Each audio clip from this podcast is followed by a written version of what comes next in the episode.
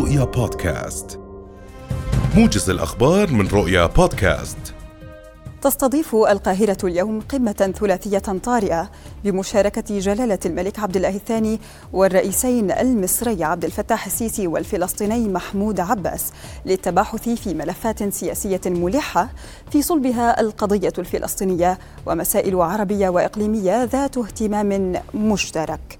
وتندرج هذه القمة في سياق التشاور والتعاون الدائم لتنسيق المواقف وتوحيد الرؤى بين الأطراف الثلاثة حيال التحركات السياسية الإقليمية والدولية من أجل إنهاء الاحتلال الإسرائيلي للأراضي الفلسطينية والعربية المحتلة منذ عام 1967 وفق سفير فلسطين لدى مصر دياب اللوح.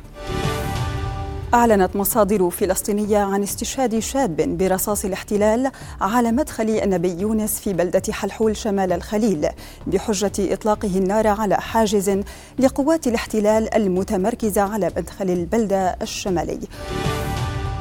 دعت نحو أربعين دولة الاحتلال الإسرائيلي إلى رفع العقوبات التي فرضها على السلطة الفلسطينية الشهر الحالي ردا على جهود السلطة لدفع أعلى محكمة في الأمم المتحدة لإصدار رأي استشاري بشأن الاحتلال.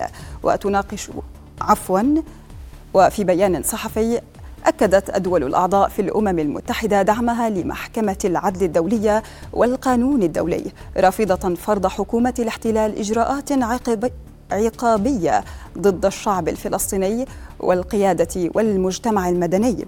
المندوب الفلسطيني لدى الأمم المتحدة رياض منصور أعرب عن اهتمامه بمواقف الدول الأربعين وقال إن ذلك يدل على أنها متحدة في رفض عقوبات الاحتلال.